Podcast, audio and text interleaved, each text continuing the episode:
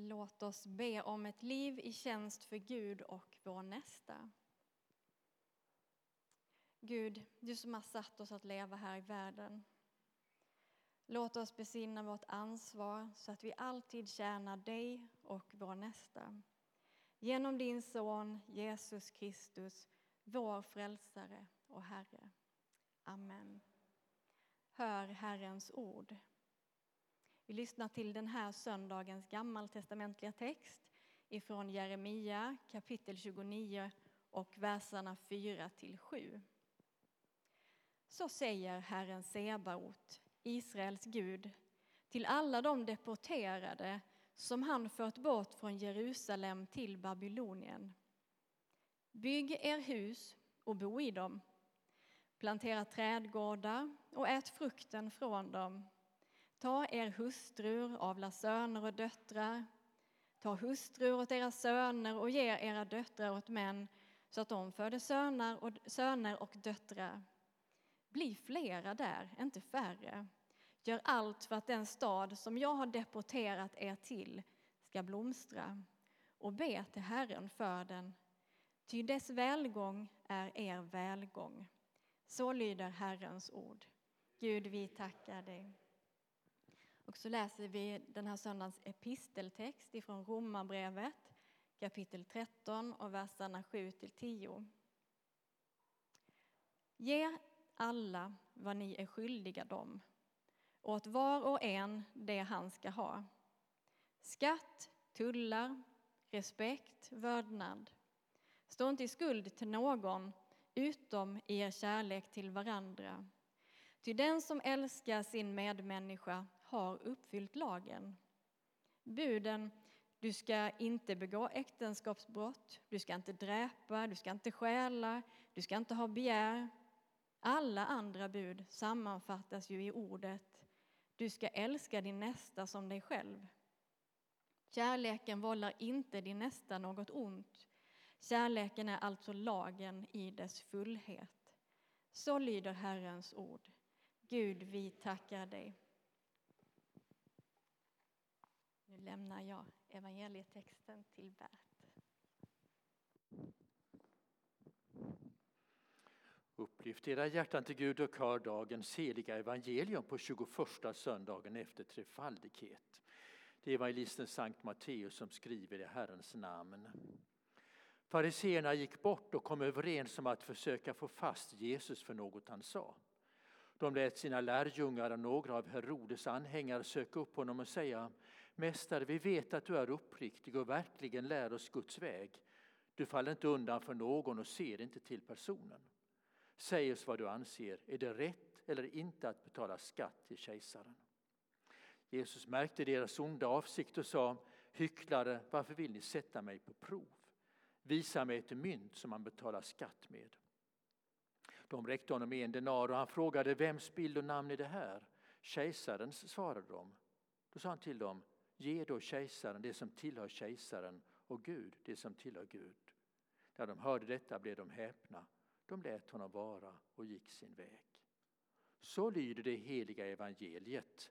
Lovad vare du, Kristus.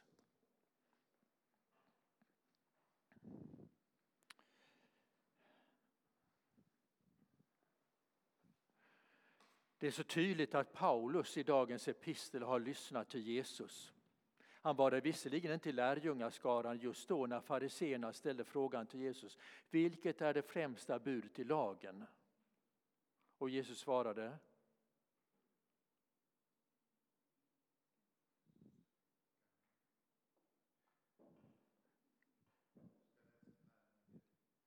Av allt ditt hjärta, av hela din själ och din nästa som dig själv. Och då svarade fariséerna och så fortsatte Jesus med att säga detta är lagen och profeterna. Jag kan nästan höra, när Jesus svarade, så kan jag nästan höra att det fanns en ironisk touch i det evangelieläsningen. Det som inte är dagens evangelieläsning, men det som Paulus anspelar på. En ironisk touch ifrån Jesus. Som sa ungefär så här, ja ja, det där är lagen. Det där är lagen. Det där är lagen. Sätt igång. Skärp er. Älska din nästa som dig själv. Älska Herren din Gud överallt. och bevisa att du gör det.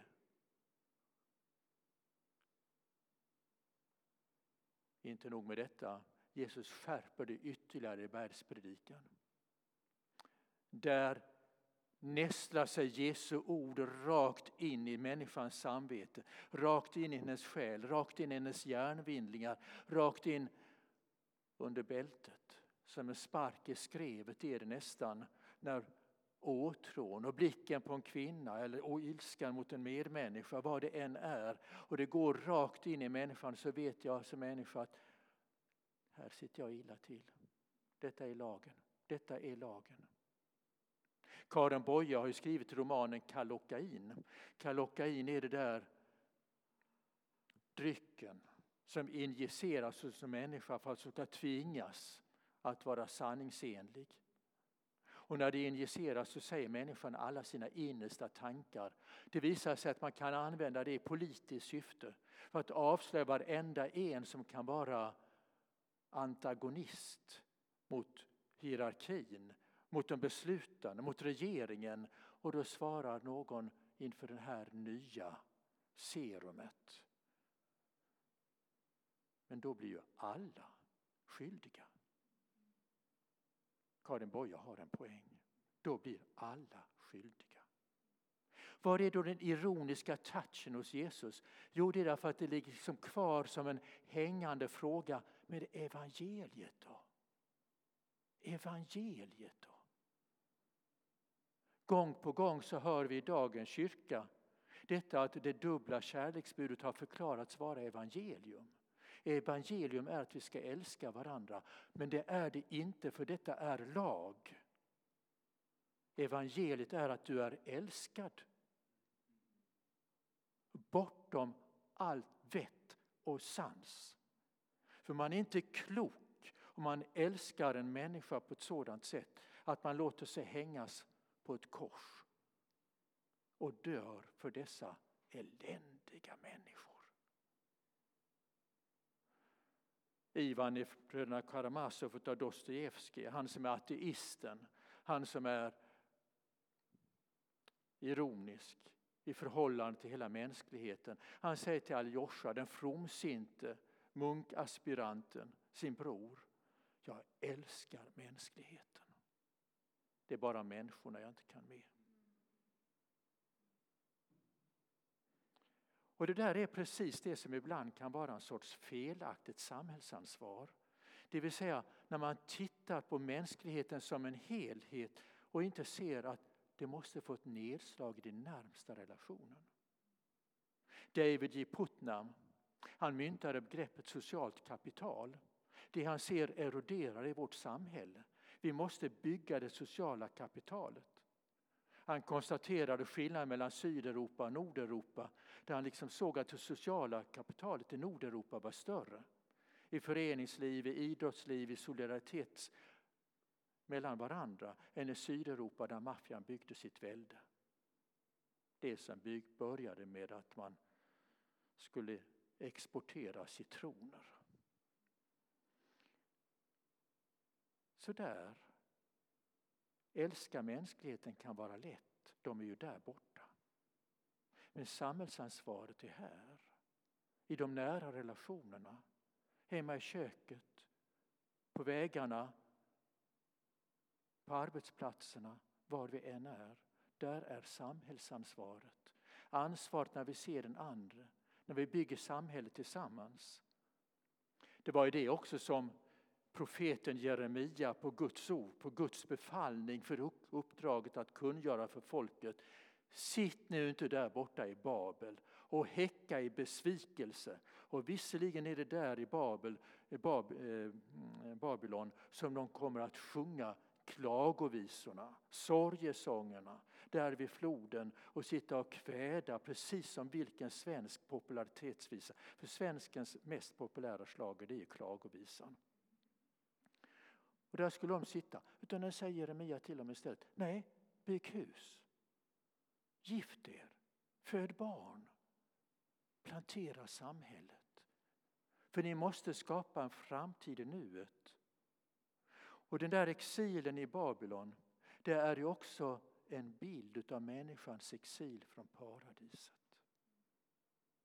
Vi är inte kvar i paradiset. Är det någon som har upptäckt det?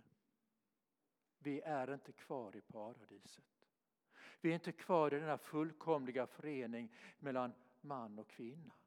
Vi är inte kvar i denna fullkomliga enhet. Att människan som Guds avbild inte är enkel utan är tvåenig. Så som Gud är treenig. Skapad till fullkomlig enhet. Och istället har vi våra fikonlöv. Och har man varit i, vandrat i regnskogarna i Tanzania eller vad det nu kan vara som jag har gjort så ser man att fikonlöv är ganska stora. Och det kan passa vegetarianerna att det inte är skinn. Men det är inte poängen. Poängen är inte att ta på sig en tillräckligt stor bikini eller badbyxor. Utan poängen är att fikonlöven representerar hur vi bygger murarna mellan oss. Skyggar för att utlämna oss själva. Och där påminner nu Jeremia oss och Paulus i dagens epistel om att vi får vara istället att bygga det samhälle där vi ändå på något sätt övar oss i en solidaritet och medmänsklighet i vårt samhälle. Att vara kyrka, att vara församling. Det är också att ha det uppdraget. För att på något sätt är det så tror jag att församlingen den församlingen där Paulus skriver om ge alla vad ni skyldiga dem åt var och en det han ska, skatt, tullar, respekt och vördnad. Och det är Romarbrevet kapitel 13 som är Pauli eh, kapitel kan man säga om hur vi ska leva i samhället i relation till myndigheterna. Hela det här kapitlet. Men så riktar han ju orden också rakt in i församlingen då han påminner oss om det dubbla kärleksbudet. Vi ska inte vara skyldiga av någonting annat än kärleken. Men det vi som kristna lär oss det är att kärleken är någonting annorlunda än det som vi ser i samhället. För ordet kärlek har blivit så dyrbart att vi inte kan se storheten i det utan det, det devalveras, det erotiseras, det förbilligas. Det blir en replik i en amerikansk film där man säger till varenda människa I love you, I love you, I love you. Men det betyder ingenting. Men den kärlek som vi kallas till i Jesus Kristus är den där han säger Ingen har större kärlek än den som dör för sina vänner. Ni är mina vänner. Och nu tittar vi på Kristus och ser vi han är den som har dött. Och om du är Jesu vän så har han dött för dig. Och det finns ingen jag kan peka på utan att det är Jesu vän. Jesus vill dra dig in i sin vänskap. Och ni kan ju förstås bibelläsningen i Romarbrevet att Gud bevisar sin kärlek till oss där i att Kristus dog för oss sedan vi hade slutat att synda. Jag är tacksam över att någon noterade felläsningen. Till Gud bevisar sin kärlek till oss medan vi, medan vi ännu var syndare. Där är kärlekens storhet. Där är det Paulus talar om. Och där är det som vi inbjuds till. Och det kan man vara en gigantisk församling och man kan vara en liten församling. Ni vet vad skillnaden mellan en melon och ett russin är. Man kan inte göra gott vin av meloner. Det är bara vatten utan så mycket smak. Man kan göra ett suveränt dessertvin utav russin. För det är kärnfullt i sin sötma. Och ibland kanske man ska få tänka så. Det kanske kan få vara vårt uppdrag nu. Att vara russinen som kan få ett koncentrat som vi kan bjuda den andra på. Ja, här måste jag få göra en liten parentes. Min hustru och jag vi har varit en del i Kanada. Två av våra barn har bott på olika håll i Kanada. Och vid något tillfälle så körde vi från Vancouver och så skulle vi upp till Jasper och Banff, de här nationalparkerna. Och man kör över de här enorma vidderna som man kommer upp i. Eh, och eh, där det faktiskt har brunnit väldigt mycket nu. Och det är ödsligt, ödsligt, ödsligt, ödsligt. Och så plötsligt sjunker den här vägen ner så kommer man ner i en fantastiskt vacker dal. Ett Shangri-La, så otroligt vackert. Med ett subtropiskt mikroklimat. Och där fanns vingårdar. Där sålde de Ice Wine. En flaska äkta Ice Wine på 32,5 centiliter eller vad det kostade ungefär 1500 spänn. För detta krävdes att det hade gått från plusgrader till åtta dygns åtta minusgrader i ett streck för att koncentrationen i druvorna skulle bli så hög. Det kan vara en bild, tror jag ibland, för vi som församlingar, som kristna ska vara. Vi kan ha varit utsatta för de här chockerna, de här situationerna, det här livet mitt ute i världen. Där vi kan känna oss utfrusna. Men oj vilket koncentrat vi ska bära till andra. Men nu ska vi gå in i dagens evangelium. Därför att det är ändå så att Jesus Kristus inför det dubbla kärleksbudet, det som Paulus anspelar på, han är den som där, antyder jag, liksom väntar på men vad är evangeliet? Vad är evangeliet? Och vad finns det då i dagens evangelium? Det där som handlar om en denar, två sidor av samma mynt. Det ena sidan ger kejsaren vad kejsaren tillhör, en ganska sund instruktion. Ingen kan kritisera den. Och så vänder Jesus på myntet.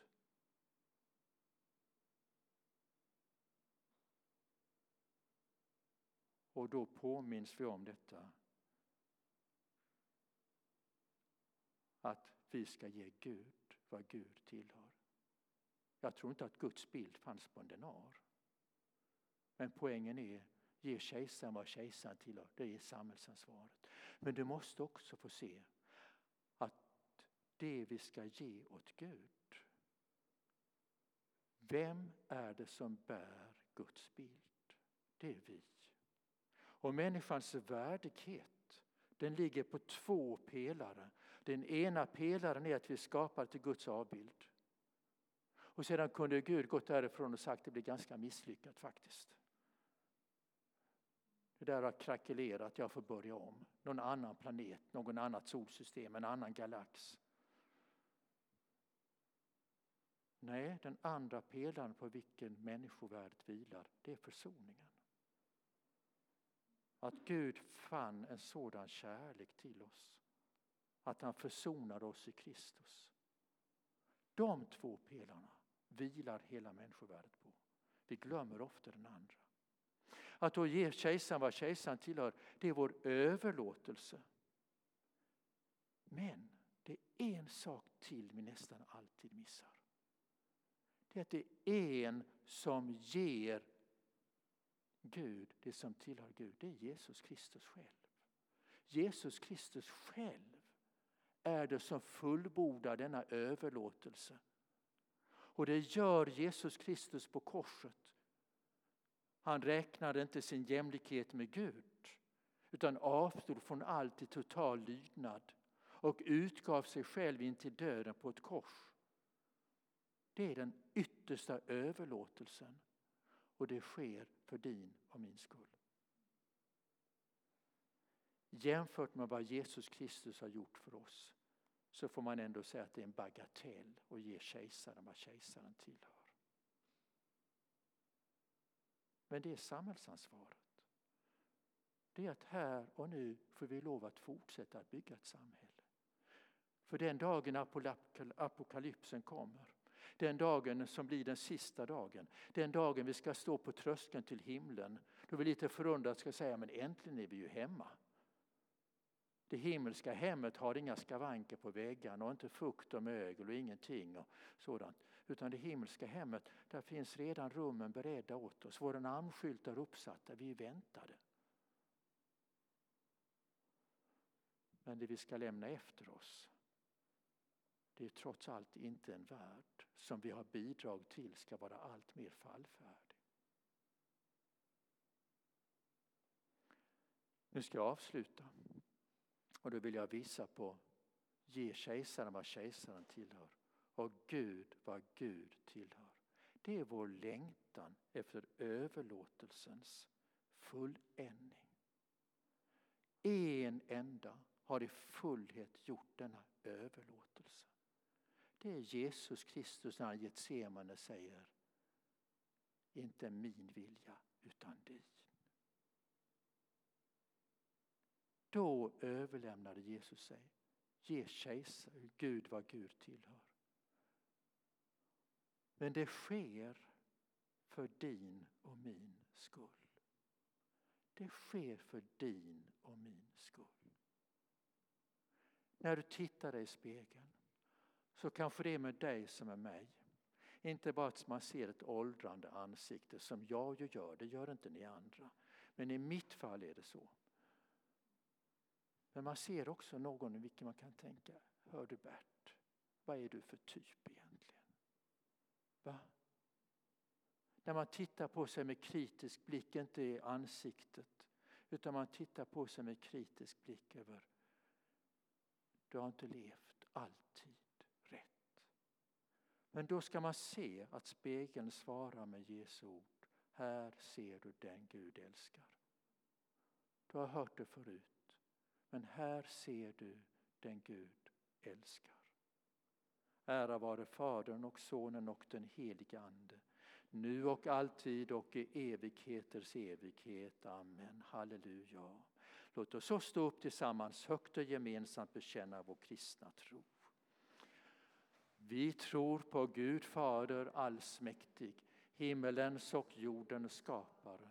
Vi tror också på Jesus Kristus, hans enfödde son, vår Herre, vilken är avlad av den heliga Ande,